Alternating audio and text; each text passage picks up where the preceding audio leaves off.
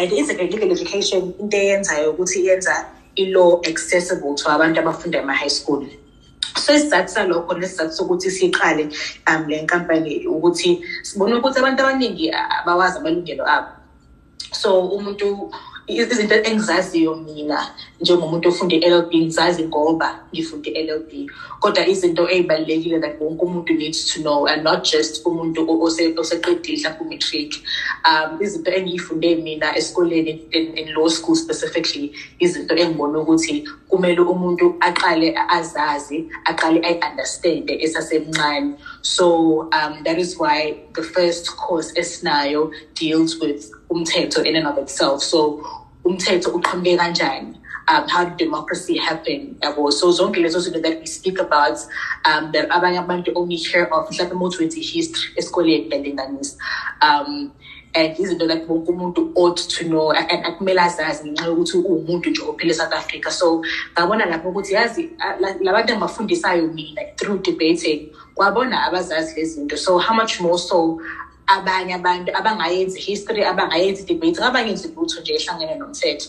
Nakhona futhi lowo mthetho lowo yiwona engathi governs iy'mpilo zabo nabo even though they don't do law. So sabona lapho ukuthi umthetho ubalulekile and ubalulekile ukuthi wonke umuntu abe ne-access to lowo mthetho lowo ngenxa yokuthi sonke sabantu abaphila e-south africa. So sabona lapho ukuthi okay asenze i-cause that allows abantu abasha ukuthi bayi-understande ilo yase-south africa ukuthi iqhamuke kanjani why kunjena what is democracy i-constitution ithini ikuvikela kanjani ey'ntweni ey'thize aboyinto ey'cishibe njalo.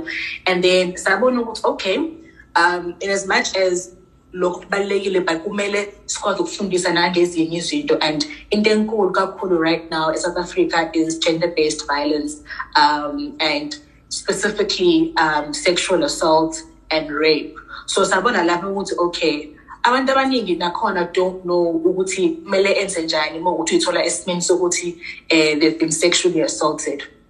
Um esithola esimeni sokuthi usedlwembuliwe um what do they do? Umthetho ukuvikela kanjani? So sabona nalapho ukuthi okay abantu abaningi futhi abasha especially abazi ukuthi kumele benze njani and nabo they are victims of these things. So nakhona futhi saqhamuka nesu lokuthi okay asenze enye i-course that deals specifically with sexual consent. What is consent? Uma ukuthi umuntu uyavuma completely how do you know? Umuntu ukuthi uyanqaba during a sexual act how do you know?